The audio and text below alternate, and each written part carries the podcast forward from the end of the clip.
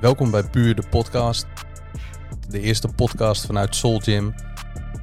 Met een leuke gast, een leuke co-host. De podcast die gaat over sport. Die gaat over ambitie. En succes in de sport. Succes in het ondernemen. En eh, ja, waar het vooral over moet gaan is, uh, zijn pure verhalen.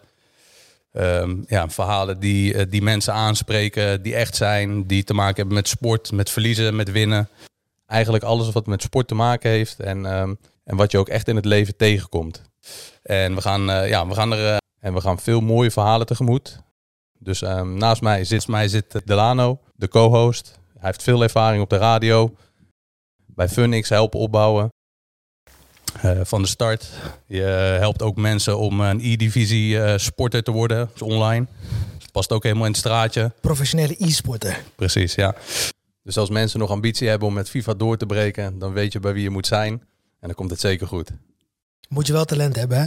Ja, precies. Maar dat, uh, daar kun jij en zo eigenlijk nog wel belangrijk het doorzettingsvermogen. Precies. Dus dat komt allemaal aan bod in deze podcast. Puur de podcast in de Soul Gym, de studio. Een van de drie studio's die we hier hebben. Die mooi beschikbaar is om mooie gesprekken te hebben. Echte gesprekken, daar gaat het om. Uh, geen, uh, ja, geen mooie verhalen, geen sensatie, maar gewoon echte verhalen. Daar gaat het om. En alleen mensen, de mensen die we uitnodigen, dat, daar is het vooral belangrijk bij dat dat soort verhalen ook echt um, ja, aan bod komen. En ik denk dat de eerste gast um, gelijk een hele grote eer voor ons is. Um, Said El Badawi, de trainer van onder andere Badr Hari, Shemane. En zo kan ik nog wel even doorgaan. Maar misschien kun jij daar het beste zelf wat over vertellen. In ieder geval super dat je hier in de studio aanwezig wilt zijn. Uh, graag gedaan. ja, ja, goed. Uh, ik ben uh, Said Badawi, 41 jaar. En uh, ja, zoals je al zei, uh, coach, trainer en eigenaar van Sportschool SB Gym. Ja, wij zijn een, een sportschool met, wat is het, 25 profatleten in het kickbox MMA. En, maar waarbij we ook gewoon recreanten hebben. En ja, 21 jaar zijn we al onderweg. Dus ja, want hoe ben jij precies begonnen? Want SB Gym is pas, uh, ja, is niet heel lang uh, geleden ontstaan. Met uh, heb je dat opgezet? ik heb het, ja, in principe is het zo gegaan. Ik geef al jaren les. Ik ben ooit begonnen, dat is nu 21 jaar geleden. Toen was het Fight Club 030. Zo ben ik begonnen in een gymzaaltje. En toen heb ik een motorongeluk gehad. Toen ben ik zelf gestopt met kickboksen. Ja, dan op een gegeven moment ben ik recreatief gaan lesgeven. En zo ben je 21 jaar verder en dan heb je een aantal jongens die bij jou begonnen zijn. Die waren 9 jaar en uiteindelijk uh, zijn die wereldkampioen bij bepaalde organisaties. Ja, dat is wel ja, heel top. Ja, ja, super. Ja. ja, dus en dan op een gegeven moment... Uh, ja, dan is het uh, dan, van een gymzaaltje gaan naar, naar een ruimte van 100 vierkante meter. Van 100 vierkante meter ga je naar 200 vierkante meter. En nu zit je eigenlijk in een pand van 1000 vierkante meter. En ja, je weet hoe dat gaat. Wanneer er op een gegeven moment succes is, dan gaat het opvallen. Ja. En op een gegeven moment krijg je er ook gewoon weer andere vechters, andere atleten bij. Want het is op een gegeven moment heel hard gegaan sinds jij SB Gym bent uh, gestart. Is het uh, ja, eigenlijk uh, keihard gegaan en ja, zijn jullie heel snel bekend geworden. En het komt natuurlijk niet, niet alleen maar door, door één naam die bij jou inmiddels traint. Maar dat zijn eigenlijk hele, ja, heel veel namen en, en eigenlijk de successen ook van andere sporters. Dus wat, wat, wat is eigenlijk het verschil geweest tussen Fight Club 030 en SB Gym? Dat het zo snel is gegaan? Nou, ik denk, uh, kijk, weet je, op een gegeven moment, uh, als je jongens uit je eigen jeugd doorbreken op grote platforms, dan gaat het natuurlijk opvallen. Ja. En uh, ja, op een gegeven moment, als het dan zo goed gaat, ja, dan krijg je er gewoon mensen bij natuurlijk. En die zien van, hé, hey, hey, zijn werkwijze in interesseert me wel. Dus Ja. dan op een gegeven moment, hè, dan komt er iemand bij, puur als een, kijk hoe hoe de klik samen is. En op een gegeven moment, als, dat, als die klik er uh, dan is, ja, dan, uh, dan ga je verder een traject. En uh, ja. ja. op een gegeven moment dan komen er dan voorbereidingen naar wedstrijden toe. En ja, en dan is het nog afhankelijk. Bij sommige vechters is het natuurlijk. als ze winnen, dan, dan blijven ze. Maar ja, zo heb je ook met atleten. Je ja. weet hoe dat gaat. Als ze een ja. wedstrijd verliezen, dan, dan is de coach ook de boeman. Maar ja, goed, dat is niet alleen in de kickboxsport. Dat is in elke sport zo. dat is, dat is ook eigenlijk in het leven zo. Ja. Zo gaat dat. Ja. Maar, maar, was, het, was het het doel, zeg maar, toen jij begon met jongens die toen negen waren, dat het dan zou uitlopen tot, tot dit? Of hoe moet ik dat zien? Nee, als je begint, je weet natuurlijk nooit eh, hè, wat je talenten zijn. Want kijk, eh, je kan een goede voetballer zijn. eh, maar dat, dat neemt nog niet weg dat je, dat je een goede coach bent. Dus, dus je begint het gewoon eigenlijk als hobby. Daarnaast had ik gewoon een job. Ja, en op een gegeven moment eh, begin je een eh, recreatief les te geven. Nou, uiteindelijk dan groeien. Wanneer je eh, begint met, met lesgeven, ja, dan, dan, ga je groeien. Op een gegeven moment, ja, op een gegeven moment dan ben je zo succesvol met je jongens. Ja, voor, je het weet eh, ben je een 21 jaar verder. En dan, dan zie je eigenlijk wat uiteindelijk het e- eindresultaat is. Waren er punten waar je zeg maar tegenaan liep als je de transitie maakt van vechter naar coach? En je bent zelf natuurlijk op dat moment ook nog jong. Ja, goed, kijk, weet je wat het is? Je moet vaak lesgeld betalen. Natuurlijk maak je eh, verkeerde eh, keuzes soms, maar goed, daar leer je van, weet je. En eh, op een gegeven moment, naarmate de weg, je komt op bepaalde events en, en die events worden ook steeds groter wanneer die jongens het ook steeds beter doen. Ja, dan leer je ook weer van eh, dat events. En dan leer je hoe trainers daar hun werk doen. Dan leer je bij, bij wijze van spreken hoe trainers daar de handen intapen van een vechter. Je leert eh, hoe hun met bepaalde situaties omgaan. Dus, dus eh, gaanderwijs, dan leer je ook gewoon hoe dat op dat platform gaat. Dat is ja, wat ik al net zei, dat is net als met voetbal. Ik bedoel, als jij bij een amateurclub voetbalt en daarna naar een FC Utrecht en op een gegeven moment zit je bij Barcelona. Ja, dat is een heel groot verschil, weet je. En, eh, en ik heb eigenlijk dat hele traject bewandeld vanaf eigenlijk begin tot eind. Het is niet dat ik ergens ben ingestapt eh, dat het al goed ging, weet je. Dus het heeft echt van nul moeten beginnen. En, eh, ja, en daar moet je ook lesgeld betalen. En ik ben ook vaak om mijn bek gaan. Hè. Ja, maar, dan, eh, ja, en, maar dat is in het leven ook zo. In het leven zal het ook niet altijd gaan zoals je wil dat het is. Is dat in de sport dat je een aantal keer echt op je bek bent gaan en, en letterlijk en figuurlijk? Je zegt je hebt een motorongeluk gehad. En hoe, hoe stond het toen voor? Wilde je zelf wedstrijdvechter worden of was jij wedstrijdvechter? Nou, ik was wedstrijdvechter en eh, ja, dan heb je een motorongeluk. Dan, eh, dan is je droom eigenlijk aan het diggelen op dat. eh, maar goed, je weet het natuurlijk no- eh, nooit. Weet je, je staat begin eh, van je carrière. Ja. Dus ja, dan, dan ga je kijken of je iets anders kan doen in die sport waar je dan van houdt. Ja, en dan, wat ik al zei, dan begint het gewoon als een hobby. Ja. Ja. en op een gegeven moment wordt het gewoon uit de hand gelopen hobby. En dan, ja. ja, dan ben je 21 jaar verder en dan is dit eigenlijk waar je, waar Ja. je nu staat. Dus eigenlijk waar één droom stopt, begint een nieuwe droom zonder dat je dat misschien op dat moment wel besefte. Ja, zo is dat. Ja, nou, dus dat is eigenlijk misschien ook wel wat je iemand kan meegeven die bij jou traint of ergens in een andere gym of een andere sport beoefent die misschien de top wilt halen. Dat waar altijd, ja, het is meestal zo dat waar één droom stopt, begint weer een nieuwe droom. Alleen op dat moment kun je dat natuurlijk niet tegen diegene zeggen, maar het is wel iets wat ze misschien ja, moeten beseffen zonder. Ja, maar dit is niet alleen in, eh, in de sport zo. Dit is ook in het leven zo. Snap Ja, je? Dit zal ja. niet altijd gaan zoals je wil dat het is. hè. Kijk, ik bedoel je omgeving of je, je naaste. Ik bedoel, eh, een relatie kan stoppen, een huwelijk kan stuk gaan. Ja, je kunt iemand eh, eh, morgen of morgen horen je, je bent ziek. Of eh, je, je, je gaat, hè, bij wijze van morgen of morgen mis je een been. Maar wat dan? Ja, Stopt het dan? Het leven gaat ook gewoon door. Snap je? En kijk, het enige verschil in deze sport en in bepaalde andere sporten, bijvoorbeeld als voetbal, is. Ja, kijk, als die andere tien het wel goed doen Ja, en jij hebt een keer je dag niet, dan val je niet op. Ja. Weet je? En hier kan je niet zeggen, ik heb mijn dag niet. nee. Snap je? Als je hier een keer je dag niet hebt, dan ben je gewoon de sjaak. Dus, Ja, en eh, ja, ik zeg altijd, eh, vechtsport is een beetje weerspiegeling in het leven. De, niet elke dag is dezelfde dag. ja. Eh, je zult dagen hebben dat, dat het gewoon, ja, om het maar gewoon te grof te, te zeggen, het zijn gewoon dagen, klote dagen. ja, ja. Maar goed, wat doe je? Je moet je herpakken, je moet er toch staan. Je leert ermee omgaan. Want zo is het leven. Vind je dat wel lekkerder dat je nu als coach, als het ware, ja, misschien net iets, ja, weet je, je kan misschien net makkelijker een keer een, een off-day hebben? Of gebeurt dat wel eens? Of, Ja, maar ja, goed. Ook ik heb wel eens een off day. Maar ja, je, weet, je moet blijven presteren, want je weet hoe het gaat. En eh, succes heeft ook een keerzijde. Het is niet alleen maar dat je succes... Ook ik word afgerekend eh, ja, eh, op, als een, een vechter niet presteert. Snap je? Ja. Je krijgt de jongens bij. zij gaan ervan uit dat jij ze beter kunt maken.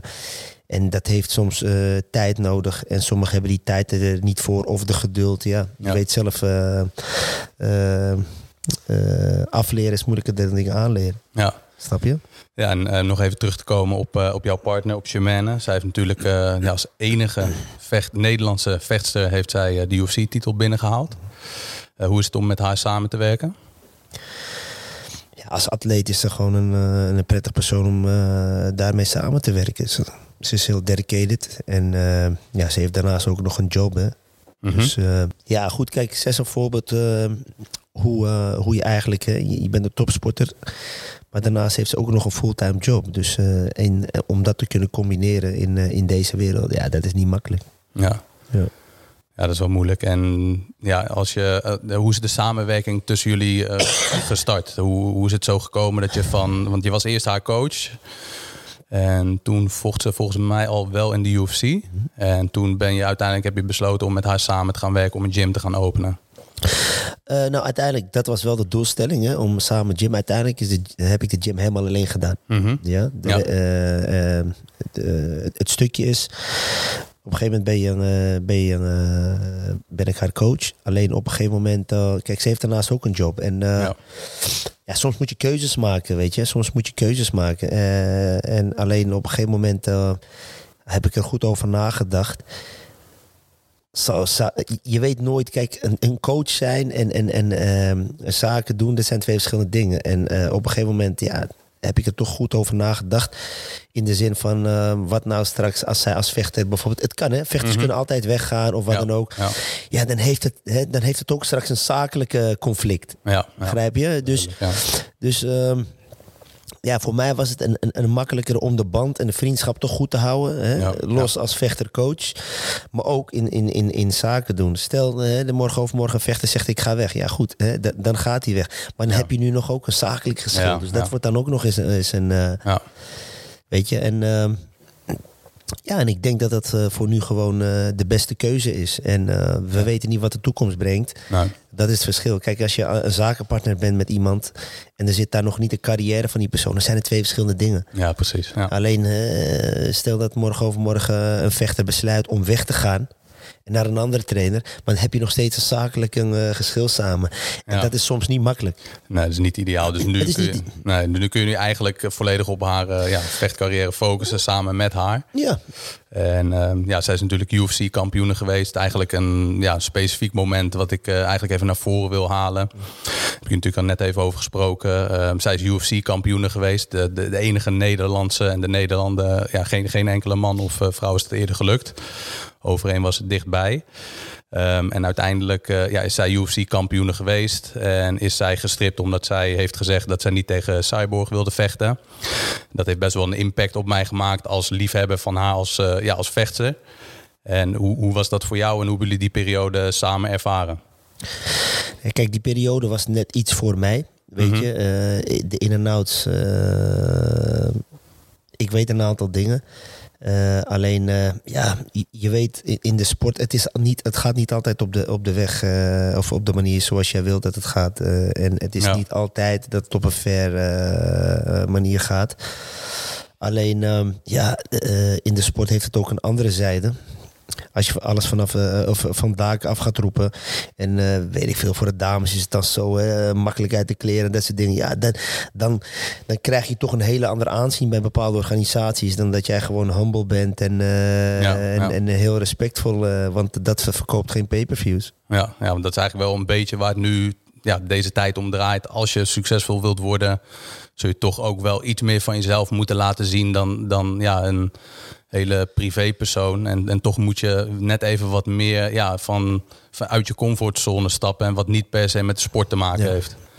Ja, ja, dat is nou eenmaal eh, deze tijd. En eh, aan, aan wat hecht jij waarde, snap je? Ja. ik, ik zelf vind altijd dat je dicht bij jezelf moet blijven. Ja, En ja, er zijn genoeg mensen die hun ziel aan de duivel verkopen voor geld. Ja, ja, als zij dat willen doen, moeten ze dat doen. En ja, ik vind altijd bescheidenheid zie je de mens. En eh, zo sta ik er tenminste in. En Ja. eh, iedereen moet doen waar eh, Ja. hij of zij zich goed bij voelt. Maar het is niet dat dat echt invloed heeft op jou als coach van, van ja, de, de, M- ja, voornamelijk de, de kickboxers, maar ook MMA-vechters, die dat dat toch de sport een beetje minder aantrekkelijk aan het maken is voor jou zelf als coach? Of is dat niet echt van invloed? Nee, zij dragen hun eigen verantwoordelijkheid.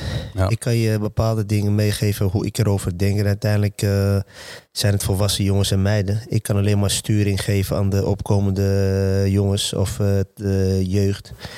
En uiteindelijk eh, zijn die jongens en meiden eh, volwassen genoeg om, eh, om eh, keuzes te maken wat ze wel en niet doen. Ja. Ik kan alleen maar eh, aangeven hoe ik erover denk, wat ik vind. En eh, uiteindelijk zijn zij verantwoordelijk eh, voor hun eigen dingen. En, heb, je, heb je één werkwijze of heb je zeg maar, verschilt het ook weer per individu? Dat je weer kijkt naar de een heeft dit nodig, de ander heeft dat nodig. Of is er één visie? Elke atleet is anders, snap je? Elke atleet heeft, eh, heeft, zijn, eh, eh, heeft zijn talent. En, ehm, en dat moet je gaan benutten. Kijk, eh, sommige jongens kun je niet laten draaien op een stijl eh, zoals je wilt dat die gaat draaien. Of, of kijk, de ene vechter is een, een wat tactischere vechter, wat slimmere vechter dan de ander.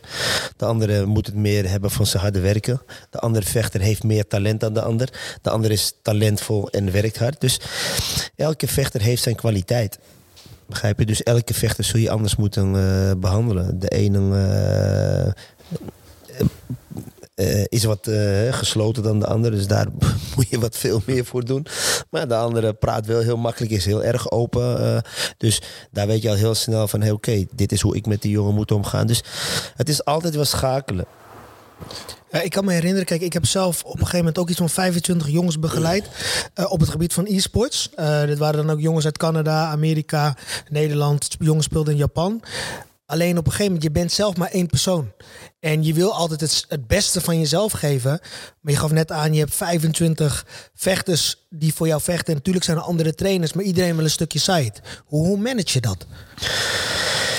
Kijk, uiteindelijk eh, moeten de jongens ook leren elkaar te helpen. Snap je? Kijk, wij trainers zijn maar pionnetjes. En je kan, eh, er zijn, eh, ik geef een voorbeeld, de basisdagen dat ik de lessen geef. En er zijn dagen op het moment dat ze een wedstrijd hebben, dat we dan één op één gaan werken.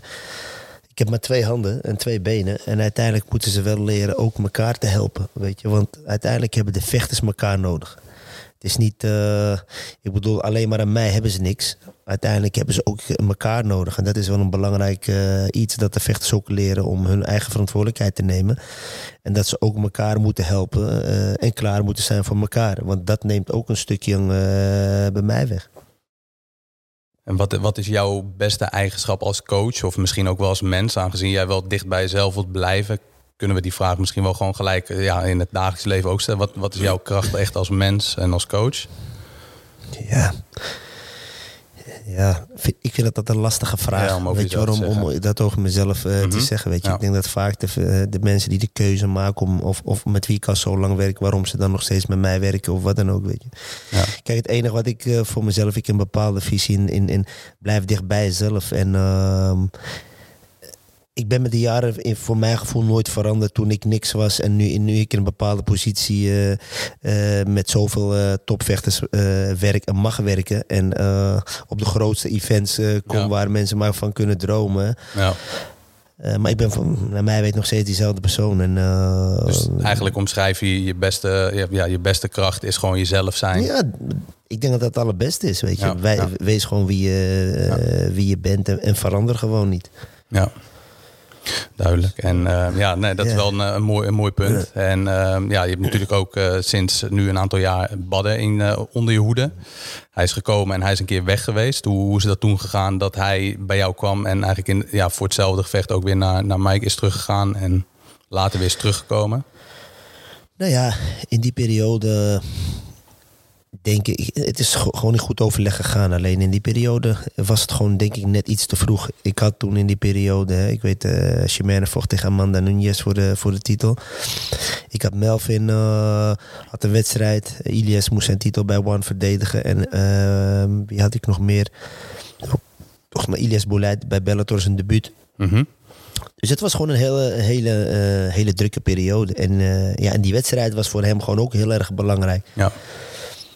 Dus ja, eh, ik denk zelf ook dat het voor die tijd gewoon een beetje te vroeg was om volle focus. En eh, wat ik al zei, eh, ja, soms eh, maken wij trainers ook fouten door op dat moment met iemand een, een, een traject in te gaan. Maar ja, dan heb je het misschien in die periode zo druk. En ja, dan kan je niet al die ballen hoog houden. ja. Maar wel de pets. Hè? Wel de pets. Ja, nee, ja. Maar, maar wat, wat neem je dan zeg maar in de toekomst? Wat heb je daarvan meegenomen? Nou ja, goed. Wat ik ervan mee heb genomen is dat je soms ook gewoon nee moet verkopen.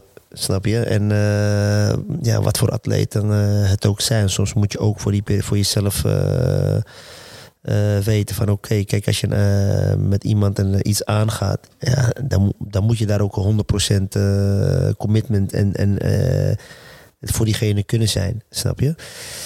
en dat is dus waar we het net over hadden, over de keerzijde van succes. Ja, succes.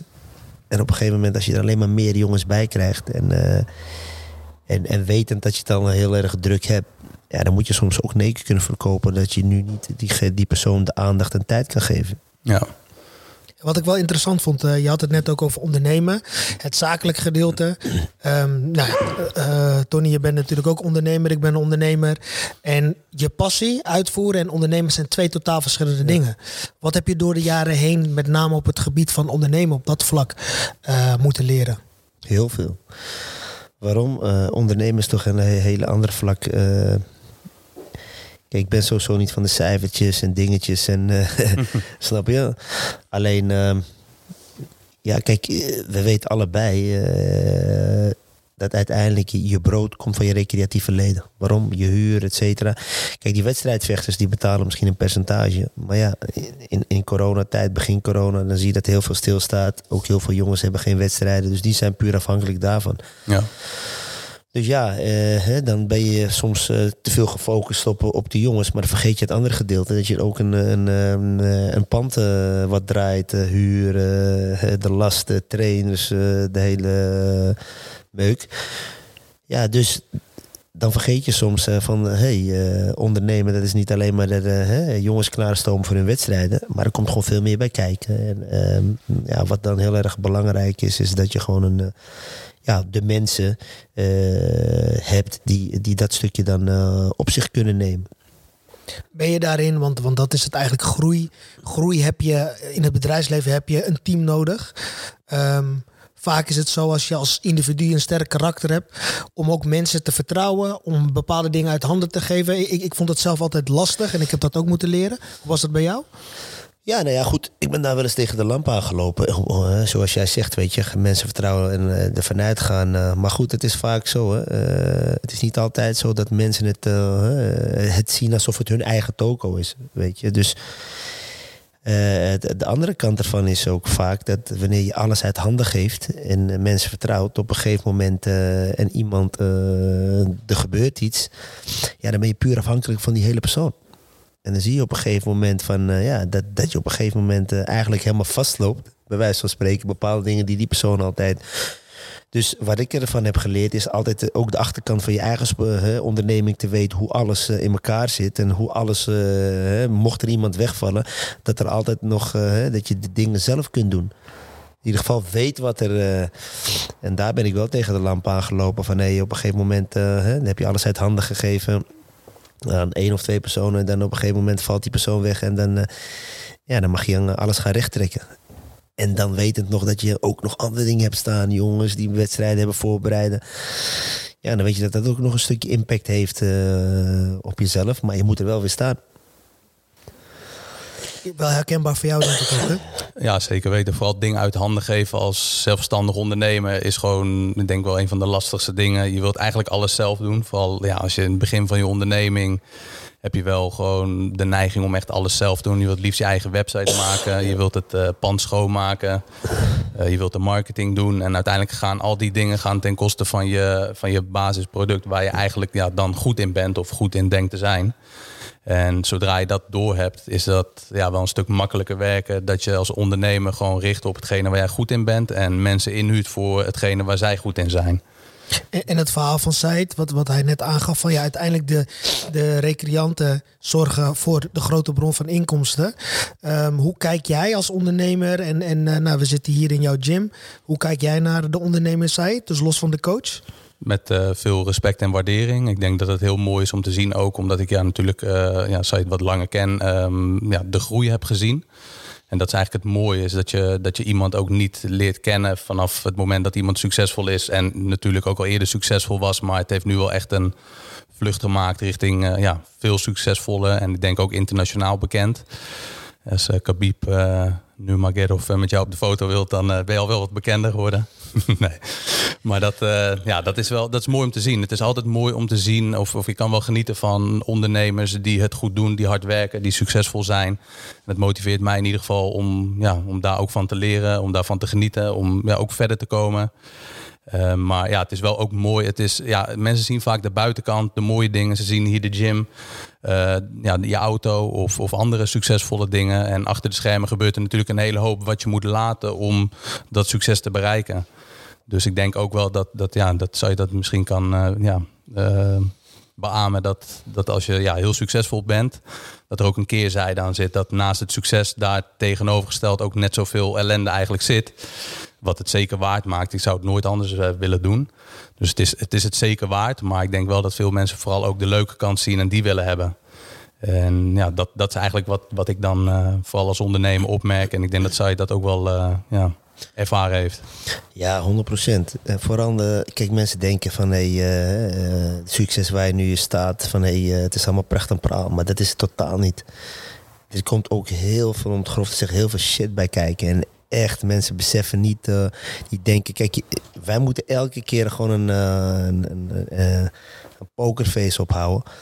Want je moet er altijd staan. Je kan niet zeggen vandaag heb ik een off day. Weet je, als ik, uh, ook ik, hè, dan ben ik aan de andere kant van de wereld. Dan, uh, ja, dan heeft iemand de, de, wedstrijd van zijn leven die verliest. Nou, nou ja, motiveer hem maar weer. En dan kom je weer terug en dan staan de volgende jongens die moeten weer. Maar hè, die jongen heeft thuis de, de tijd om het te gaan verwerken. Ik niet. Weet je, want ik moet die hele gezeik aanhoren en motiveer die jongen. Aan de andere kant staat er ander weer voor de deur die uh, klaargestoomd moet worden. Je krijgt de gezeik op je gym. Uh, uh, je hebt een gezin thuis, drie kinderen. Je bent elke keer op reis. Dus weet je, er komt zoveel bij kijken. En ja, dat ja, mensen zoals ik al zei, mensen zien alleen maar de buitenkant en die zien niet hoeveel energie, tijd en welke tegenslagen we elke dag weer mee te maken hebben. Wat ik wel belangrijk vind, wat is succes voor jou? Want ik denk dat dat is natuurlijk ook van, kijk, de een relateert het aan materiële dingen. Zelf ben ik helemaal niet van materialisme. Weet je wel, wat maakt voor jou jouw succes? Of wat is succes voor jou? Nou ja, kijk, voor mij uiteindelijk, uh, ik, uiteindelijk heb ik uh, van, uh, van een hobby heb ik mijn droom kunnen verwezenlijken, weet je. Dus dat, dat, dat, dat één. en ten tweede, succes is ook van oké, tot uh, wat ben ik in staat om neer te zetten, snap je? je? je? wil weten van oké, ik bedoel als je goede voetballer wil worden, en dan wil je weten van met welke goede voetballers kun jij je meten straks en waar sta jij straks? Nou, dat geldt ook voor mij als, als trainer, weet je. Ja, ehm, wat waar sta ik straks? Dus ja, en ik denk uh, wat het allerbelangrijkste is, uh, als ik er straks mee stop, wat, wat dan ook, ja, dat ik terug kan kijken van zeggen, oké, weet je, ik heb met de beste atleten uh, kunnen werken. De beste der aarde waren, weet je, dus ja, dat zijn wel dingen voor mij van oké, weet je, je wil je altijd wel meten met oké, ik wil weten waar ik sta. Zijn er trainers die je hoog hebt zitten? Ja, er zijn wel trainers die ik echt uh, hoog heb zitten, uh, die ik dan mee heb gewerkt in, uh, of, in, in het buitenland of heb gezien, mee heb gepraat en et cetera. Dus toch als je kijkt hun werkwijze, maar ook wat ze, waar vandaan zij gekomen zijn. Dus, en trainerschap is niet makkelijk, weet je waarom? kijk, wanneer het goed gaat, hè, wat mensen heel, heel vaak in vergissen, wanneer het goed gaat dan is, gaat het altijd om de atleet. Dat is nou in voetbal, in kickboksen, wat dan ook. Als ik straks presteer en ik word kampioen met de jongen, dan gaat het om die jongen. Dan, is het, dan zie je, alle aandacht gaat naar die jongen. Wij blijven altijd op de achtergrond. Wanneer komen wij naar de voorgrond? Wanneer zo'n jongen verliest en het niet goed doet en die jongen gaat weg ja, dan krijgen wij de schuld als trainers, snap je? Maar mensen zijn eh, wel vergeten het hele traject. Hè? En wat je allemaal hebt moeten laten. Je laat je gezin achter. Je bent uh, uh, weken van huis. elke dag weer op de sportschool. Als zo'n jongen in de kleedkamer zit, er is niemand die praat. Jij bent eigenlijk de enige die hem constant moet motiveren en doen. Dus, dus al die dingen zien mensen, mensen niet. En uiteindelijk, hoe je het went of keert, het is altijd ondankbaar. Maar goed... Uh, dat, is, uh, dat is de andere kant. Het is het wel waard. Ja, tuurlijk. Kijk, weet je wat het is? Uiteindelijk eh, gaat het mij vaak toch wel... Hè, zijn er toch altijd de vechters, dit stukje dankbaarheid... eh, dat ze dan wel hebben naar jou toe. Van, hey, of ze nou weggaan of, of, of wat dan ook. eh, van, hey, eh, ik ben echt dankbaar eh, voor wat je voor mij betekent... of hebt gedaan en et cetera. En sommigen zijn dat wel, want het zijn wel de jongens of meiden... waar je nog steeds kaart eh, voor loopt. Maar ja, dat zijn ook jongens en meiden... die, ja, die zijn heel snel vergeten wat je voor ze gedaan hebt... en wat je allemaal hebt gelaten. En dat zijn ze zo snel vergeten. Hoe is het als een vechter verliest en ja, jij bent dan degene die wat moet gaan zeggen? Bijvoorbeeld de laatste eh, wedstrijd die veel mensen natuurlijk hebben gezien en, en vooral de Baddenfans eh ja, toch wel pijn heeft gedaan. Hij was echt aan de winnende hand. Hij eh, was heel dichtbij. Hij verliest uiteindelijk. Wat, wat zeg je dan tegen hem? Nou ja, kijk, het, het blijft altijd vervelend als je verliest natuurlijk, Ja. snap je? En ehm, ja goed, kijk, wat ik al eerder zei. En, ehm, soms leer je van een verliespartij veel meer dan een winstpartij. En ik heb eigenlijk liever soms dat iemand een, een, ehm, een, een goede wedstrijd vecht en verliest... dan dat hij eigenlijk een slechte wedstrijd eh, vecht en wint. En eh, het, het is ook gewoon een, een, een leerproces. Kijk, het is gewoon een leerproces. Hij vecht gewoon een goede wedstrijd. En eh, ja, een kat in het nauw maakt rare sprongen. Ja. Ja, dat was letterlijk wat er gebeurde. Hij lag eigenlijk Ja, in de touwen en, en ja, Maar dat zijn dingen die iedereen kan overkomen, begrijp je? Ja, en ja. eh, Want hij hij had drie keer acht seconden had zijn tegenstander gekregen, toch? drie keer acht tellen. Ja, drie keer achter, ja. Ja, dan krijg je drie keer acht tellen. Ja, dan, eh, dan gebeurt eh, zoiets uit een, eh, ja, uit een situatie waaraan... kijk, wanneer iemand in een, in een situatie komt waarbij hij niet weet hoe hij moet handelen...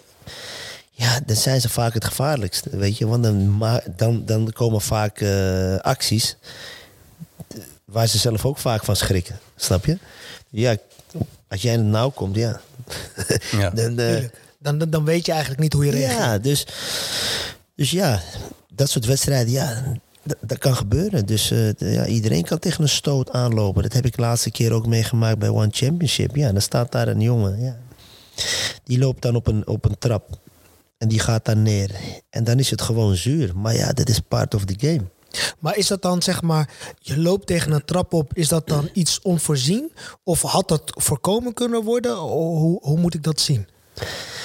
Ja, goed, kijk, weet je wat het is? Als je een bepaalde stijl vecht, dan heeft het ook bepaalde risico's. Snap je? Ik bedoel, eh, als je aanvallend eh, vecht, eh, dan heeft het ook bepaalde risico's. Ah, ja, en als je een bepaalde stijl gewend bent, en je weet, je geeft iemand drie keer een nacht tellen, dan moet je een wedstrijd gaan controleren. Maar ja, goed, eh, afleren is moeilijker dan aanleren. En dat heeft gewoon tijd nodig. Dus als jij een stijl van iemand wil gaan aanpassen, ja, dat, dat kan je niet doen in, een, in vijf maanden. Weet je, dat heeft gewoon tijd nodig. En dat is precies hetzelfde. Kijk, als je iemand nu blanco hebt, ja, dan is het makkelijker. Diegene is blanco. Maar als iemand een bepaalde iets heeft aangeleerd... en dan moet jij het gaan afleren. Ja, dat heeft gewoon tijd nodig. En ik denk uiteindelijk in een trainingsperiode en een traject is anders dan in de ring zelf. Tuurlijk. Maar dat, is, eh, als jij eh, op de gym aan het sparren bent. Ja, dat is toch anders als je straks in een stadion staat met 20.000 man. Met eh, de druk die je voelt, de omstandigheden. Dat, dat kan je gewoon niet vergelijken. En, ja, dat is nou eenmaal een part of the, of the game. Maar wat krijg jij tijdens zo'n event, hè? 20.000 man. En natuurlijk, alle ogen zijn gericht op de vechter. Maar als mens zelf krijg je natuurlijk ook heel veel impulsen. Sluit je je daar als trainer voor af? Of, of zoek je dan toch nog iets? Hoe, hoe bereid jij je voor op zo'n eh, zo'n verschrikkelijk eh, eh, mooie wedstrijd? Ja, kijk, de allereerste keer dat ik voor een eh, vol stadion eh, zat in Japan, ja, tuurlijk, dan kom je binnen. eh, dan ben je hier in Nederland gewend op het begin met een event waar een paar duizend man. Ja, tuurlijk, dan, denk je van hé, dit is toch een hele andere koek. Maar ja, met de tijd wordt het ook een bepaalde gewenning, snap je? Je, je, je, je staat daar, je moet gewoon je werk doen. En je weet op dat moment dan.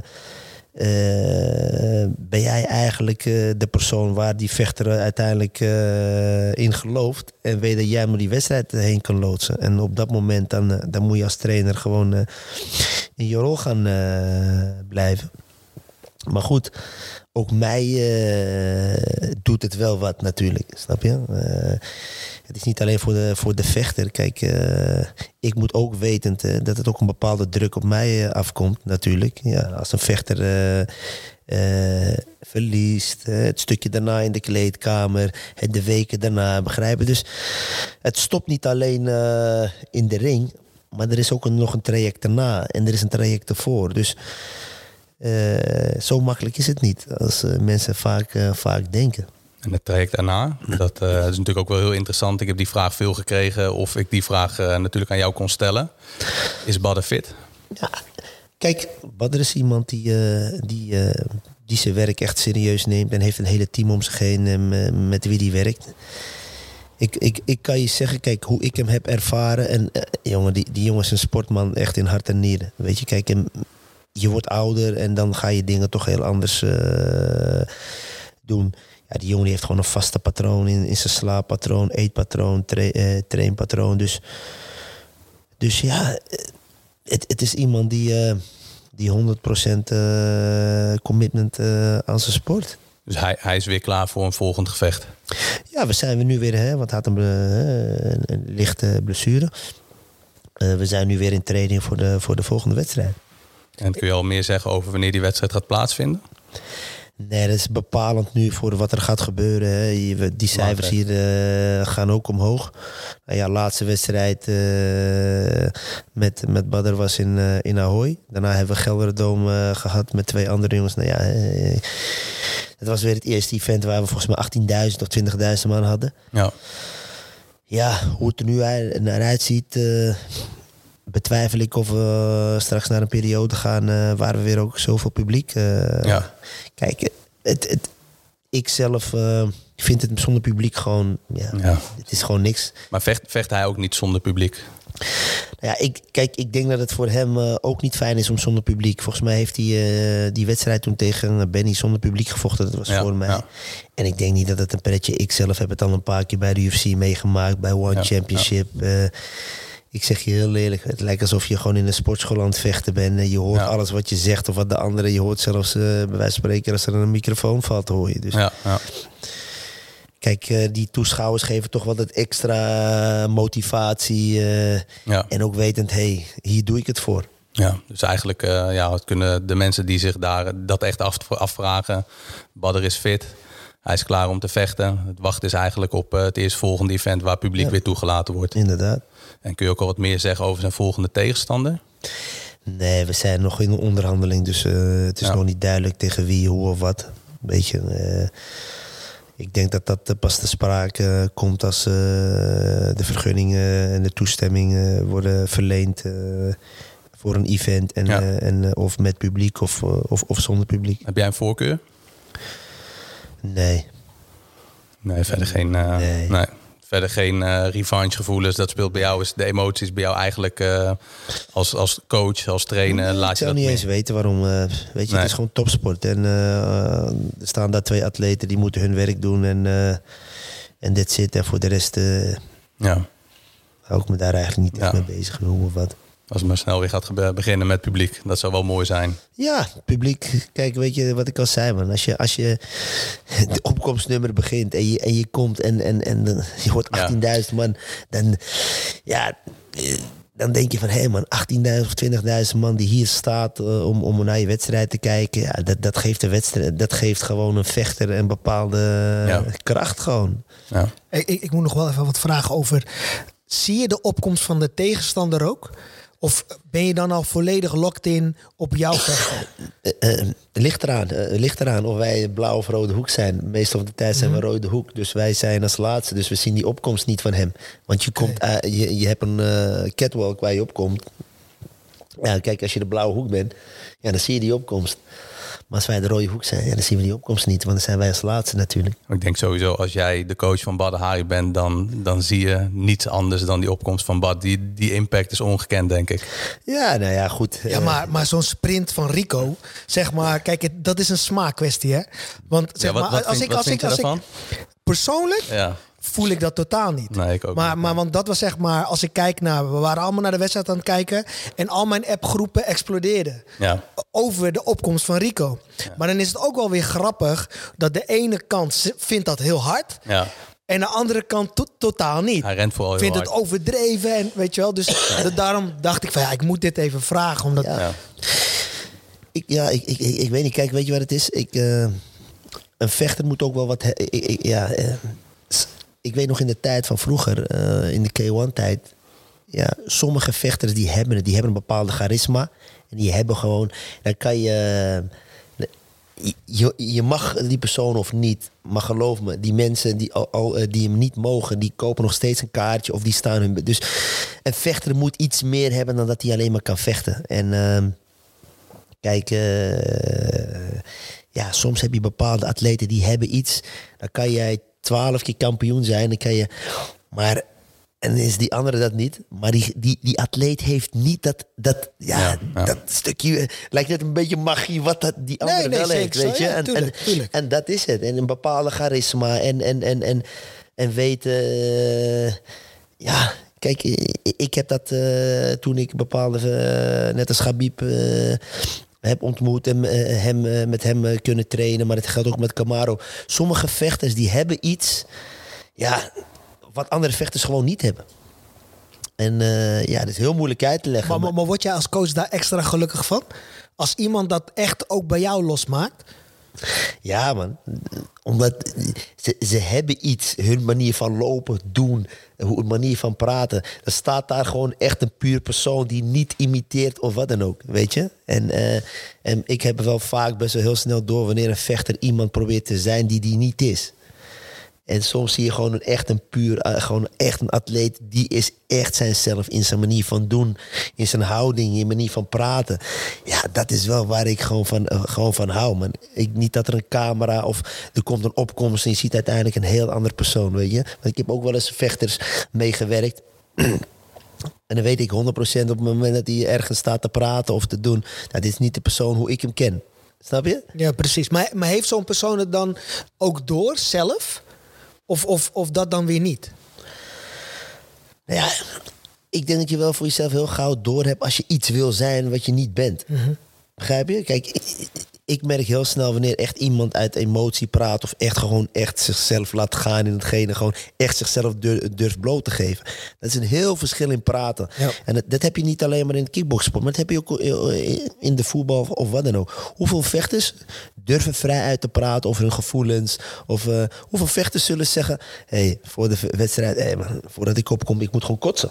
Ja. Ik kan je Ja, zeggen, precies. er zijn Gewoon die vechters- realness. Gewoon echt, Ja, ja, ik kan ja. vechters, ik weet, joh, die moet gewoon kotsen voordat hij eh, opkomt. En er zijn vechters, jongen, die gewoon in tranen barsten voordat hij opkomt. Snap je? Ja, Mike Tyson had het altijd. Ja, ja, zo Voor zijn, ieder gevecht. ja maar snap je? Dus dat zijn wel vechters die gewoon echt een kijkje in de keuken durven te geven. Gewoon van, oké, dit is de persoon wie ik ben. Dus dit is, dit is wie ik ben. Zijn er vechters van vroeger, misschien uit de K1, die, die jij zo ervaart? Gewoon van buitenaf, dat jij vroeger vond van ja man, diegene voel ik echt.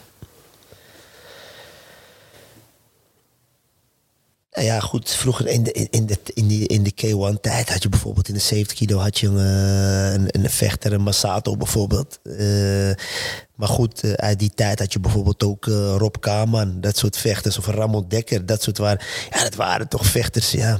Dat waren toch wel vechters van, hey, dit waren gewoon hoe, hoe, ja, hoe die jongens waren. Het zo, in, in het echt zijn ze ook zo, weet je. En ja, ik, ik hou daarvan. Ik hou daarvan om echt eh, iemand te zien gewoon hoe die echt gewoon is. Weet je, dat, dat, dat, dat is, eh, dat is hoe, ik graag naar een vechter kijk. Eh, maar dat, dat heb je met een badder ook zo, joh. Dat is, hij is gewoon wie hij is. Hij zal zich niet anders voordoen. Dat is gewoon de man hoe jij hem op de gym met hem werkt. En hoe hij in een persconferentie is of wat dan ook. Dat is gewoon de persoon, gewoon hoe hij is. Ja, En, ik eh, vind dat nog wel heel interessant, omdat je hebt natuurlijk een vechter die al zoveel jaren, je, je gaf net ook aan, afleren eh, is moeilijker dan aanleren. Ehm, jij hebt jouw bakervaring, 21 jaar ervaring als trainer. Hij heeft zijn ervaring als vechter. Nou, nu hebben jullie het gevecht laatst. Hoe zorg je ervoor dat dat dan helemaal blendt? Wat, wat kan jij dan als trainer of wat wil jij als trainer eh, bij hem bijdragen om tot een succesvol resultaat te komen? Ja, kijk, iemand komt bij je en eh, in, in het geloof dat, dat, dat, dat je een aanpassing kunt, kunt doen, eh, zodat hij weer eh, kan presteren of in ieder geval kan draaien. En dat is het stukje wat, wat dan eh, voor mij belangrijk is om te zorgen dat dat, dat gaat lopen, weet je. Maar op een gegeven moment dan is het niet meer, je traint alleen met elkaar, maar op een gegeven moment ontstaat er ook een band met een bepaalde vechter. Dus op een gegeven moment is het voor beide belangrijk dat we open, transparant naar elkaar toe zijn, snap je?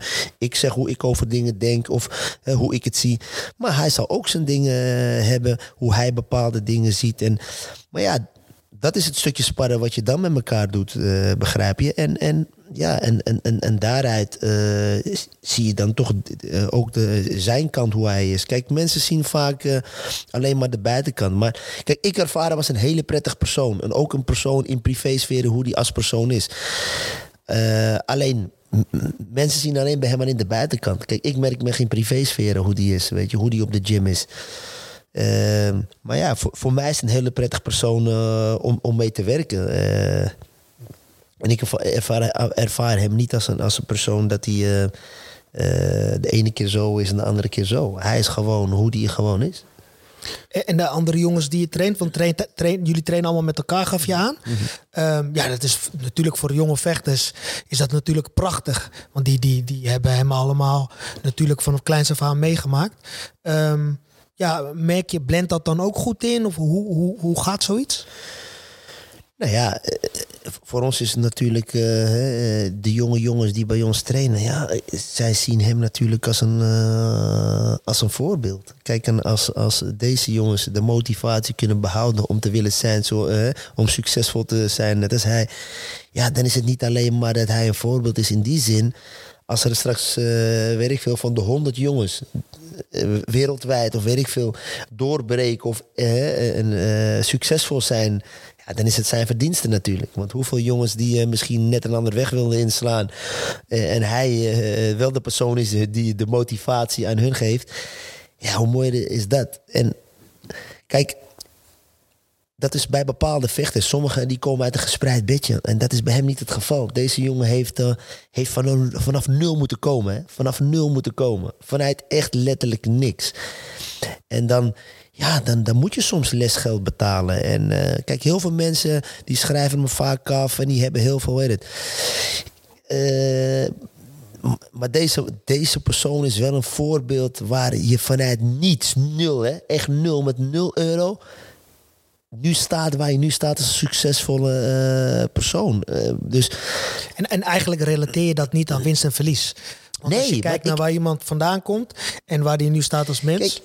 Kijk, deze man is gewoon succesvol. Die is gewoon kampioen in zijn leven, man. Dat is het allerbelangrijkste. Deze man is niet, het is niet te refereren aan belts. Weet je wat de waarde van een belt eh, heeft?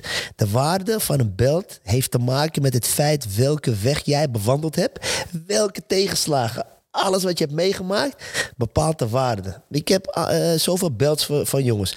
Maar de ene belt is bij mij een bepaalde waarde omdat ik weet hoe diep en van waar we vandaan gekomen zijn. Een andere belt die heeft geen waarde wanneer die krijg je bij een pakje boter, bij wijze van spreken, snap je? Maar dat is wel de reis die hij heeft, eh, heeft meegemaakt. Alle ellende. En mensen zien alleen maar het stukje van ja, hij is negatief in het nieuws. Die jongen heeft zijn zus op jonge leeftijd verloren aan, aan een ziekte. Die heeft zoveel ellende over zich heen gehad. Deze jongen begon van 0 euro. Die heeft dus eh, op een gegeven moment eh, is die van, van niets vocht hij een wedstrijd, kreeg hij bekendheid. Vanaf daar ging hij naar Japan. Op een gegeven moment zo'n jongen... Ja, die werd op een week vanuit het niets op handen gedragen. Eh, in onze sport heb je geen mediatraining. Je hebt niet iemand die jou eh, eh, coacht of zegt van... hé luister, dit is het traject hoe, je moet bewandelen. Begrijp je? Deze jongen die stond er gewoon helemaal alleen voor. Dus die moest gewoon lesgeld gaan betalen. En die heeft dat dan op bepaalde manier eh, gedaan. En nu zijn we 36 jaar is die volgens mij. Ja, 36 is die.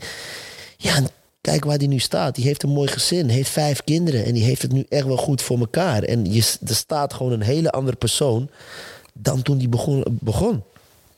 En stel dat uh, nu een jonge figuurlijke badden bij jou in de gym uh, zich komt aanmelden. Hij gaat dat hele traject, uh, probeert hij te volgen. En hij weet natuurlijk nog niet wat voor hem klaar ligt. Wat, wat, wat zou je tegen zo iemand zeggen? Wat zou een les zijn? Nu jij eigenlijk zover bent gekomen, weet wat je nu weet. Wat, wat zou je, of, of jonge luisteraars die nu luisteren, wat zou je die willen meegeven die veroordeeld worden? Die, die misschien nu niets hebben. Die voelen dat, dat de kansen in hun leven gewoon een stuk moeilijker aankomen. Dat ze niet in dat gespreide bedje zijn opgegroeid of, of geboren. Wat, wat zou je die willen meegeven? Wat... Nou ja, kijk, we kunnen ze bepaalde dingen meegeven die wij hebben meegemaakt van hè, hoe het ook kan, snap je? Maar dit soort jongens als, als, als, als, als Badr dan, dit, dit zijn wel jongens die hebben zwaar lesgeld moeten betalen. Mhm. Snap je? En um, nou ja, goed, de dingen Ehm, hoe wij het nu doen door veel te praten met die jongens. Uh, en hij zelf ook, weet je. Want hij weet ook bepaalde dingen, hoe het wel moet en, en hoe je het beter niet kan doen. Hij heeft die ja. lesgeld moeten betalen. Ja. Dus het enige wat wij kunnen doen, ik en, en, en hij om met die jongens zo te praten dat wij hun meegeven van hé, hey, wij hebben die lesgeld betaald, dus je kunt het beter op deze manier doen ja, dan op die manier, want wij zijn daar al geweest. Ja, ja. Maar hoe, hoe anders is de tijd nu als je het vergelijkt met toen jij twintig was? We zijn allemaal een beetje generatiegenoten. Dit is een hele andere tijd. Ja, maar ja, al is het een andere tijd. Kijk, jongens als hij komen eerder binnen bij iemand dan iemand. Ik geef een heel klein voorbeeldje. Als jij met iemand gaat praten die het goed heeft, ja, die het gewoon goed heeft, die komt uit een gespreid bedje en die een bepaalde weg in gaat slaan. En je gaat hem uitleggen, ja, je kan het beter zo en zo en zo doen. Die gaat tegen jou zeggen, kom op man, waar heb jij het over? Jij hebt het goed en alles, jij weet niet eens uh, wat ik allemaal heb meegemaakt. Maar dit is wel een jongen en die kan precies zeggen, uh, begrijp je? Want heel veel jongens of meiden, uh, die refereren zich met hem.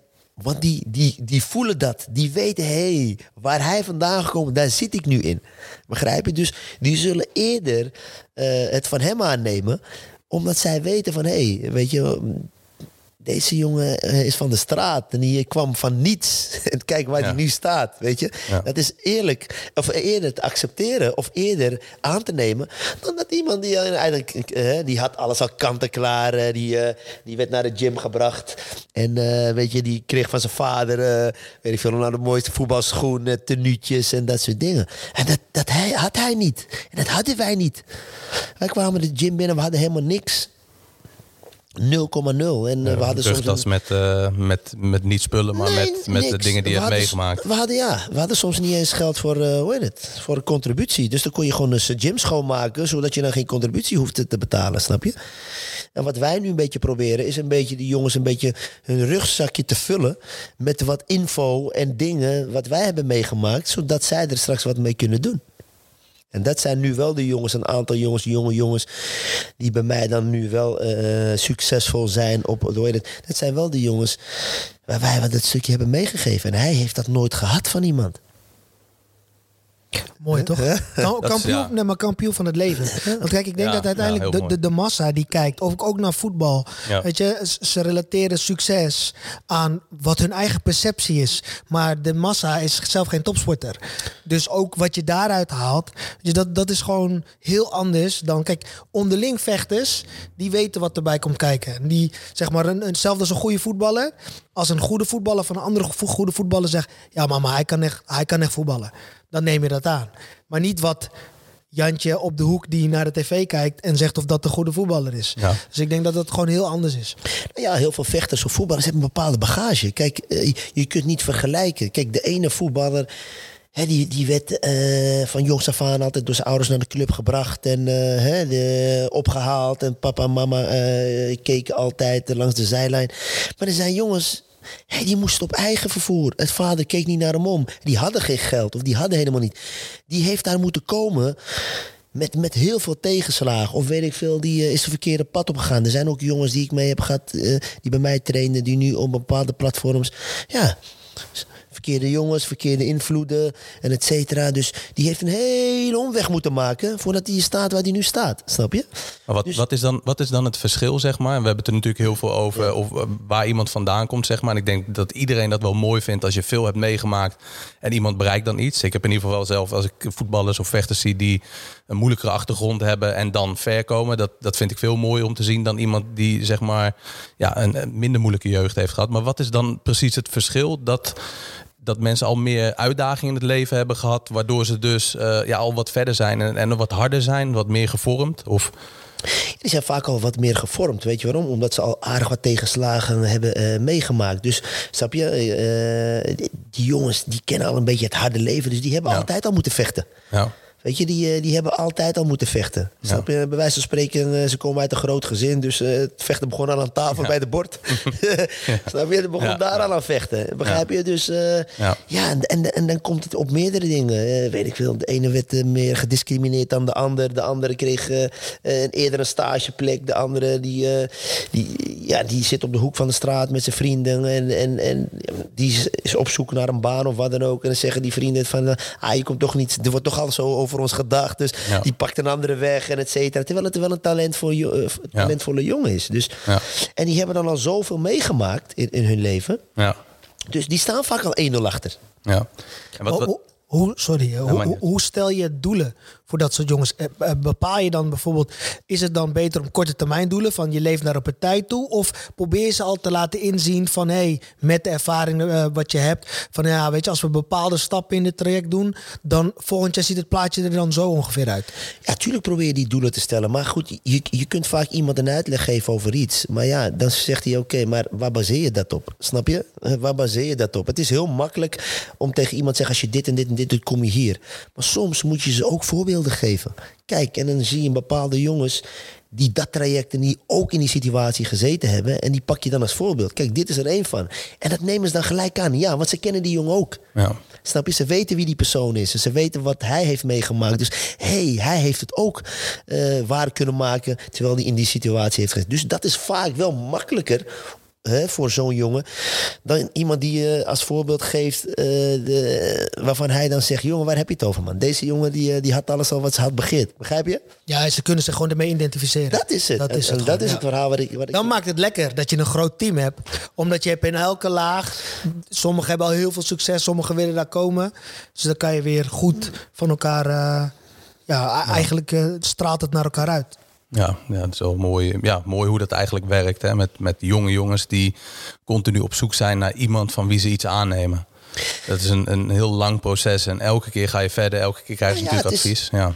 Weet je wat het is? Dat is niet alleen maar, denk ik, in, in, in, in of het nou in, in sporten zo is, maar het zal in heel veel dingen zijn. Of het nou een zanger is of, of wat dan ook, weet je. Vaak, eh, ja, als iemand een verhaal. Ja, het, het- kijk, je identificeert je met iemand, weet je. En eh, wanneer jij eh, in het leven eh, hele moeilijke dingen hebt meegemaakt. en je denkt vaak, ja, weet je wat, niemand overkomt dit. En iemand vertelt een verhaal die in die situatie ook heeft gezeten. En die herkent dat. Ja, dus het eerste waar diegene kracht uit eh, put, is uit die persoon. Want het is herkenbaar. Soms ook hoor ik wel eens een, een, een, een, eh, motivatiespeech. En, dan, en die persoon heeft het dan over bepaalde dingen. Dan denk ik, hé, hey, what the fuck man. Deze man heeft... Dit is precies hetgene wat ik ook heb meegemaakt, snap je? En, en als ik dan zie waar diegene dan nu staat, denk ik, alles is mogelijk. Deze man heeft het precies hetzelfde meegemaakt wat ik. En hij kan het, hoezo zou ik het niet kunnen? Heb je voorbeelden van mensen die jou motiveren? Dus het hoeft helemaal niet met vechten te maken hebben. Nou ja, dit is toevallig wel een vechter. Dat is Francis Ngannou. Francis Ngannou was gewoon een vluchteling. Die heeft in Marokko gewoon in de bossen gele- geleefd. Die vertelde mij zelfs een verhaal dat hij zelfs gewoon apenvlees gegeten heeft. En dat hij dan de grens overgestoken is om in Spanje te komen.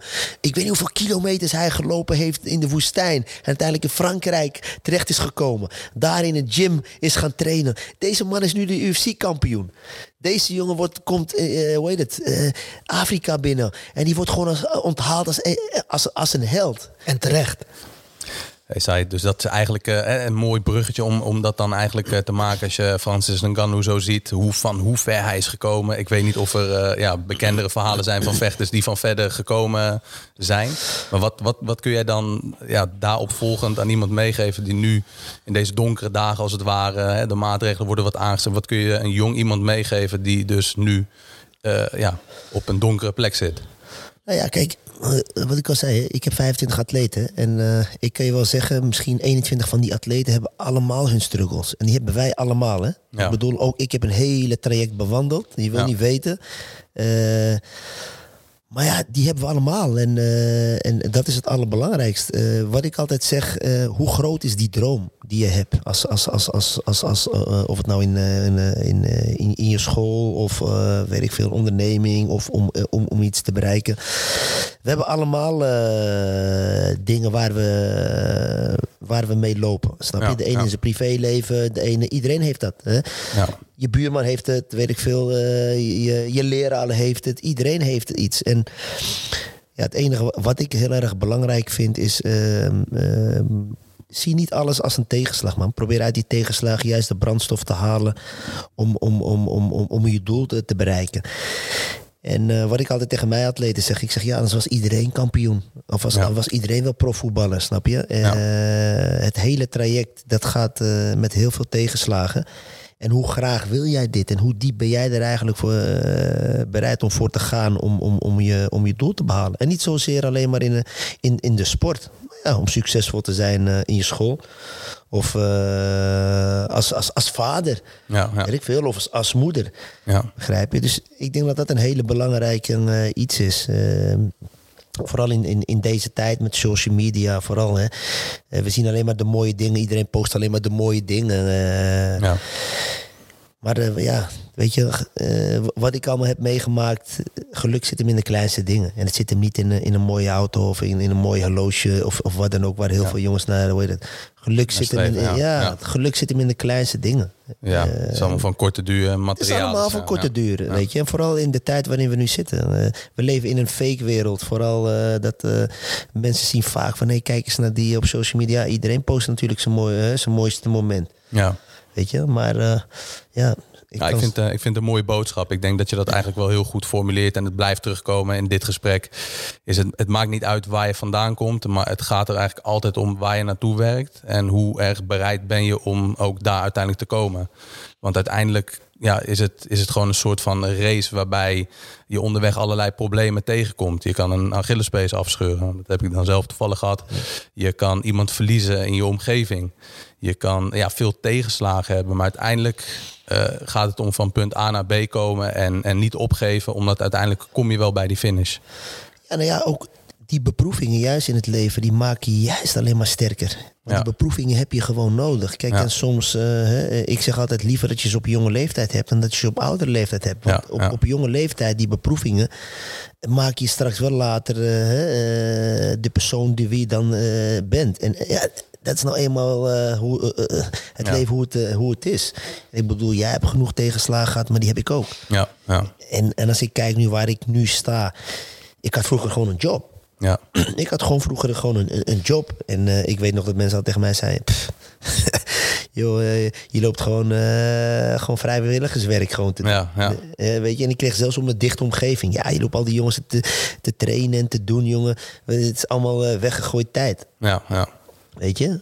Ja, maar dat, dat kom je natuurlijk ook veel tegen. En dat, ik denk dat, dat dat ook wel heel belangrijk is. Ik kom dat heel veel tegen, vooral met, met jonge gasten of die, die iets willen bereiken. Het, het, het weerhoudt je een beetje van om iets uiteindelijk te bereiken. De mensen in je naaste omgeving die zeggen van ja, zou je dat wel doen? Of eh, ja, er zijn nog zoveel mensen die bijvoorbeeld kickbox trainer zijn of personal trainer. En in jouw geval, Delano, zijn er niet heel veel mensen die eh E-divisie eh, jongens trainen of begeleiden. Maar je zal altijd dingen op je bord krijgen van mensen om je heen die zeggen van waarom je iets niet moet doen. Maar ik denk dat de reden waarom je iets wel moet doen echt belangrijk is. Zodat je voor jezelf ook moet nagaan. Hou het dicht bij jezelf. Dat je, dat je toch gaat bedenken waarom wil je professioneel gaan vechten? Waarom wil je profvoetballer worden? Is dat iets echt wat jij wilt? Of is het een beetje onder sociale druk dat dat heel cool is? En als, als het niet iets is wat jij heel graag wilt, maar wordt gedreven door wat social media of mensen in je omgeving voor jou willen, dan ga je het nooit halen. Dus het is echt heel belangrijk om dicht bij jezelf te blijven, denk ik daarin ook. Kijk, wat het belangrijkste vind ik altijd, het leven is geen sprint, maar een marathon. Ja, Maar wat ik ook belangrijk vind, kijk, adviezen zijn vaak goed bedoeld. En ook oprecht. Alleen vaak he- hebben de personen die de adviezen geven niet de referentie. Dus je moet het in een juiste perspectief te kunnen plaatsen. Ja. Dus als, als, als papa of mama iets zegt, die zegt dat uit ouderlijk gevoel. Ja. Maar niet omdat papa een toptrainer is. Nee. Niet omdat, of, of omdat mama begrijpt dat trainer, de trainer heel hard voor je is. Ja. Weet je? En, en, en dat is het ook met vrienden, familie. Weet je, wanneer mensen tegen jou zeggen, je doet net vrijwilligerswerk. Kijk, uiteindelijk in het één op één contact met mensen, dat heb jij als personal trainer, dat heb jij als trainer. Dat ziet niemand. Nee. Dat gesprek wat jij hebt in de kleedkamer één op één, dat ziet niemand. Ja. Maar dat weet jij en dat voel jij. Progressie wat jij ziet bij jouw klanten, dat voel jij. Ja. Want dat gesprek heb jij. Dus dat van buitenaf is altijd maar. En ik denk ook gewoon van. eh, dat is ook als, als, als je ergens wil komen. om dat op de juiste manier te kanaliseren. Van weet je, het, eh, hier pak ik dit van, daar pak ik dit van. Maar uiteindelijk is het ook luisteren naar je eigen ik. Ja. En daarom vind ik het ook mooi wat jij zegt. Van, van, van die, die. Als je dicht blijft bij, bij jezelf. En dat is ook een beetje waar de podcast, puur de podcast. Zeker. Weet je, die puurheid. Maar gaandeweg, daar zijn er heel veel hobbels. Weet je wel, maar als je jezelf altijd in de spiegel kan kijken. En, en daarin kan zeggen, ik heb er alles aan gedaan. En de ene keer is het winnen en de andere keer is het verliezen. Maar zolang je dat tegen jezelf kan zeggen, dan komt het goed. Zeker. Ja, nou ja, kijk, weet je, het is je kleurt uiteindelijk je eigen leven. En, en eh, eh, wat ik met de tijd in deze sport heb mee, eh, mee- eh, vooral heb meegemaakt. Kijk, je hebt altijd heel veel afgunsten. Of mensen, eh, weet je, ik zeg altijd, iedereen gunt je de wereld. Maar zolang je het maar niet hebt, met de tijd... Ik weet nog vroeger, je had heel veel afgunst en et cetera. Maar op een gegeven moment, toen het op een gegeven moment goed ging... je werd weer succesvol... nu krijg ik op een gegeven moment van, van, van mensen van vroeger die afgunst hadden... die zeggen, zou je alsjeblieft een verjaardagsvideootje voor mijn zoontje kunnen inspreken? Snap je? En, en de gekste mensen. Of eh, is het mogelijk om een keer langs de gym... om een foto met jou en die atleet te maken? Snap je? Dus Hoe ga je ermee om dan? ja, weet je waar het is? Kijk, hoe ik ermee omga, weet je. Kijk, ik moet er uiteindelijk gewoon om lachen.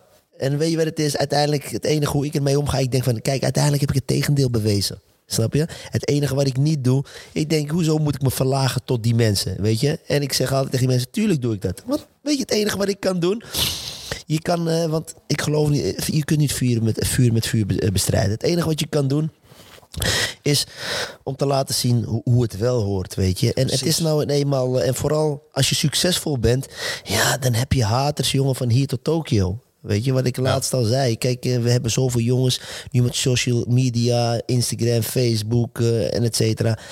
Nou, post maar eens een foto of, of wat dan ook. Ja, en dan zul je maar zien hoeveel haatreacties je krijgt en hoeveel eh, wel positieve reacties. Dus, dus dat is nou eenmaal de keerzijde. En ehm, Dat blijft. Dat, en dat blijft niet. altijd. Maar dat is ook in het leven zo, weet je. Soms denk je, hey, dit zijn vrienden. Ja, zul je dit wel doen? Nou ja, een echte vriend zal je altijd steunen. Precies, wat je ook doet. Wat je ook doet. En die zal altijd achter jou staan, begrijp je? Dus ja, wat ik altijd zeg van, hey, het is je eigen leven. Dus kleur je eigen leven. Jij bepaalt. Kijk, ik zeg altijd, als ik om mijn bek ga en ik heb die keuze gemaakt... dan kan ik altijd mezelf in de spiegel kijken. Weet je wat, het was mijn keuze. Precies. Weet je? En als je te gevoelig bent van wat een ander zegt en et cetera... ja, dan wordt het nog wel een dingetje. Maar dan moet je ook zelf achterkomen, toch? Maar dat is wel mooi. hè? Ja, Ja, ik denk wel ja, dat het heel goed is. Ja. Ja. Som, liever, ik zeg altijd liever voorkomen dan genezen. Snap je? Als ik een bepaald iets heb meegemaakt en ik, en ik kan mijn atleet daarvoor behoeden. En ik leg hem ook uit van dit is die situatie waarin ik, waarin ik heb gezeten. Dus dit is beter de weg die je wel kunt bewandelen. Ja, dan is het aan hem. Weet je, want waarom zou je die lesgeld ook moeten betalen? En soms moet je die, duur, die lesgeld heel erg duur betalen. Ja. Maar wijsheid komt met de jaren, hè? Want Vaak wel, dat, ja. dat, dat is zeg maar, weet je, je probeert natuurlijk je, je atleten te behoeden. En, en soms eh, heb je ook even een krasje nodig om nog dieper te kunnen gaan, om daarna weer er bovenop te komen. Ja, ja, ik zeg altijd ja en nee. Sommige, eh, sommige fouten kunnen zo fataal zijn dat er geen weg meer terug is. Ja, oké, maar dan, dan hebben we het Snap echt over. We hebben- Ja, maar, maar Ja, precies, Sommige- tuurlijk. voor Sommige som- dingen moet je gewoon niet snap doen. je? Eh, maar- dus in, in, in, in, in het voetbal of in het vechtsport, sommige jongens kunnen een fout maken op dat moment. Snap je? Wat gewoon invloed heeft op zijn hele carrière. Ja, en, precies. en ik heb jongens, de vechtsport, dat is hun boterham. Ze hebben niks anders. Ze hebben hun studie niet afgemaakt. Dus hij kan één fout maken, wat fataal kan zijn, dan heeft hij helemaal niks. Want ik weet dat die jongen sowieso al niet eh, voor een baas kan werken. Dus, dus weet jongen, welke... Hey, Precies. Het is een, het is een dun lijntje. het is een heel is dun lijntje. En, ja. het, begrijp je? en dat heb je ook in het voetbal. Er zijn jongens die, die kunnen zo goed voetballen. En datgene wat ze nu hebben, Ja, dat is ook hun, hun boterham en hun toekomst. En als ze dat straks niet hebben, die kan niet eens misschien gaan vakken vullen bij de Albert Heijn. Om, die heeft niet eens een, een goede basis eh, qua onderwijs of wat dan ook. Ja, precies. Dus zuinig eh, zijn met de kansen die je krijgt in het leven is heel belangrijk. Want sommige kansen komen maar één keer voorbij. Kom maar één keer. Die Ja. boot passeert soms één keer. Of Ja. je stapt in, of die vaart voorbij. Ja, En op waarde schatten wie de juiste adviezen geeft. 100 procent. Dat is het ook, hè? ja, ja. Het is ook wel gewoon daarin... Soms moet je daarin ook gewoon vooral even buiten jezelf naar jezelf kijken van... oké, wat wordt er nou echt tegen mij gezegd? En wat is de intentie van de persoon? Ja. Weet je wel? En, en in jouw geval is het vooral met name eh, ervoor te zorgen om dingen te voorkomen. Ja, nee, goed, je moet filteren. Ik zeg altijd gewoon filteren. Dat is ook gewoon in het lesgeven. Ik bedoel, eh, ik zeg altijd, eh, je kan van iedereen wat leren, weet je. En misschien is eh, 99% onzin in een les die iemand geeft. En misschien 1%. Nou ja, van die 1% 1, 1, 1, 1, 1 maakt toch een heel Ja. groot geheel. Ja. Precies. Het is ook maar net wat je er zelf van maakt. Ja, en eh, tuurlijk. ik denk dat dat het belangrijkste is. Is dat je, je krijgt heel veel kansen in het leven. Voor iedereen komt een kans voorbij. En het is wat je er zelf van maakt. En wat je er op dat moment van, eh, mee doet. En soms is, komt een les ook later binnen. De les die je nu geeft of de gesprekken die we nu hebben... die hoeven niet vandaag bij iemand binnen te komen. Ze horen de gesprekken, ze horen de lessen. Maar soms komt iets ook twee jaar later pas binnen. Spreek ook uit eigen ervaring. Soms zegt iets, iemand iets tegen je. En diegene denkt van, nou, die, die luistert toch niet. Maar ondertussen gaat zoiets ja, een beetje marineren. En op een gegeven moment ben je klaar ook voor dat moment om, om, die, om dat toe te passen wat je dan op dat moment hebt meegekregen. Soms sta je niet bij stil bij wat iemand tegen je zegt en wat dat eigenlijk voor jou kan betekenen. Ja, dat klopt. En ik denk dat eh, ja, hè, als dat eh, ook een mooie, mooie stap is richting het einde. We hebben eh, hele mooie, pure gesprekken gehad. Open. over ambitie, over succes in de sport, maar ook in de zakenwereld. Ehm, ja, ik denk dat, dat dit ook wel een mooi moment is om de eerste podcast af te ronden. Ja. Ik wil sowieso Delano als co-host bedanken. En jou zie ik sowieso de volgende podcast weer terug. Echt bedankt dat je mij co-host hebt gemaakt. Ja, heel graag. Het gaat eh, volgens mij gesmeerd. Maar eh, en binnenkort zullen we ook eh, de volgende gasten gaan aankondigen. En ja, een heel, ja, heel warm bedankje richting jouw site. Enorm bedankt dat je hier wilde komen als eerste gast. Dat, dat kun je ook natuurlijk maar één keer goed doen. En eh, ja, het is voor mij echt een enorme eer om jou eh, sowieso te kennen als coach en als persoon. En om in de gym te hebben. Eh, ik waardeer het enorm voor de lessen. En ik ga dit ook zeker vaker terugkijken en, en laten rondzingen. En ik denk dat heel veel mensen ja, wat hebben aan jou als ze de podcast zien. Of als ze bij jou in de gym komen, bij SB Gym. Om eh, ja, door jou of een van jouw eh, ja, eh, vechters getraind te worden. Dat, dat een ervaring is die ze zeker een keer moeten gaan ja, ontdekken. Ja, graag gedaan. Kijk, weet je, het allerbelangrijkste is, eh, en dat is ook de reden waarom ik eh, ja tegen je zei. Het allerbelangrijkste wat ik vind, kijk, ik heb drie kids. Weet je, het allerbelangrijkste in de tijd waarin we nu leven, is het belangrijk wat geven we onze kinderen mee. En we zitten nu al in een tijd waar eigenlijk al alles kan. Er kan van alles geroepen worden. eh, ik bedoel, eh, ehm, als je op social media kijkt, van rappers tot, tot wat dan ook, waar het naartoe gaat, waar we naartoe gaan. En het allerbelangrijkste is, is dat wij wel eh, blijven eh, de jongeren motiveren eh, op het goede. Dus het is het allerbelangrijkste dat, dat, dat ik zeg altijd als ik er straks niet meer ben en er zijn honderd jongens die, eh, die kijken aan de manier hoe ik iets deed of mijn atleten die, die eh, op, eh, op een goede wijze hun, hun gedrag in de ring of buiten de ring. Dat is wel belangrijk straks dat mijn kinderen of de kinderen van mijn kinderen Ja. er wat aan hebben. Ja, dus eigenlijk komt het op neer om toch ook wel, ja, wees goed voor een ander, wees goed voor jezelf. Daar begint het mee. Ja. Anders kun je ook niet goed voor een ander zijn. Ja. Badr zei me één keer, en dit, dit waren zijn woorden, en het was echt het mooie. eh, Hij zei me ooit, toen zei ik van oké, wat, wat, wat, waar vecht je nog voor? toen zei hij me één ding. Hij zei me, weet je, waar ik dit nog voor doe, is ik wil straks dat de kinderen van mijn kinderen en kinderen daarvan nog steeds over mij praten. Dat ik iets straks hier neerzet, Ja. Dat hun nog steeds over mij praten. En toen dacht ik, wauw man. It's all about legacy. Ja, maar ja, snap je? Sommigen zouden zeggen van, ja, ik wil op die belt of ik doe het om geld. Snap je? Hij zei me, "Ge- moet ik het voor geld doen? dat is niet waar ik voor doe. Dat heb ik. Moet ik voor een belt? Welke waarde hecht ik aan die belt, snap je? Ja. Maar ja, als er straks hè, zijn kinderen, kinderen daarvan praten, dat was eens een vechter, jongen. Ja. Ja, ja was het. Snap je? Ja, en als die mensen daar nog steeds over praten, er is niks moois dan dat, man. Ja, zeker. Ik denk dat dat, dat, dat echt ook heel, uh, ja, heel, heel mooi is wat hij ook dan ja, aan jou meegeeft. Jij geeft dat weer hier in de podcast door. En het is ook belangrijk dat ja, los van zijn eigen kinderen geeft hij niet alleen zijn kinderen mee, maar er zijn zoveel mensen die naar hem kijken. Die hopen dat hij zo weer de ring instapt. En er komt natuurlijk een moment dat hij dat niet meer doet. Maar de boodschap, of in ieder geval ja, hoe hij op dit moment uh, veel jongeren motiveert om te vallen, weer op te staan. Om, om dat mee te geven aan de jongeren die, die naar hem kijken. Of misschien wel naar de podcast luisteren of bij jou komen trainen. Dat is denk ik het allermooiste. Is dat je, je hebt niet de invloed op één persoon. Maar je kan de invloed hebben op duizenden mensen. Of misschien wel miljoenen mensen die naar je kijken. En dat is ook weer het mooie aan deze tijd. Ik denk dat het ook wel mooi is om, om mee af te sluiten. Is, het, is een, het is een moeilijke tijd, denk voor iedereen. Uh, maar ik denk dat het heel belangrijk ook is om te focussen op het positieve. Het positieve van dit moment waar we nu vandaag in staan. Um, is dat, dat dat eigenlijk ook heel mooi is. Het is een hele donkere tijd. We gaan de winter weer in. Maatregelen worden aangescherpt. Maar focus je op het positieve. Want dat is het enige wat je overeind houdt in het leven. Is dat je focust op het positieve. En al het negatieve wat je meemaakt in het leven. Probeer er dan het beste van te maken.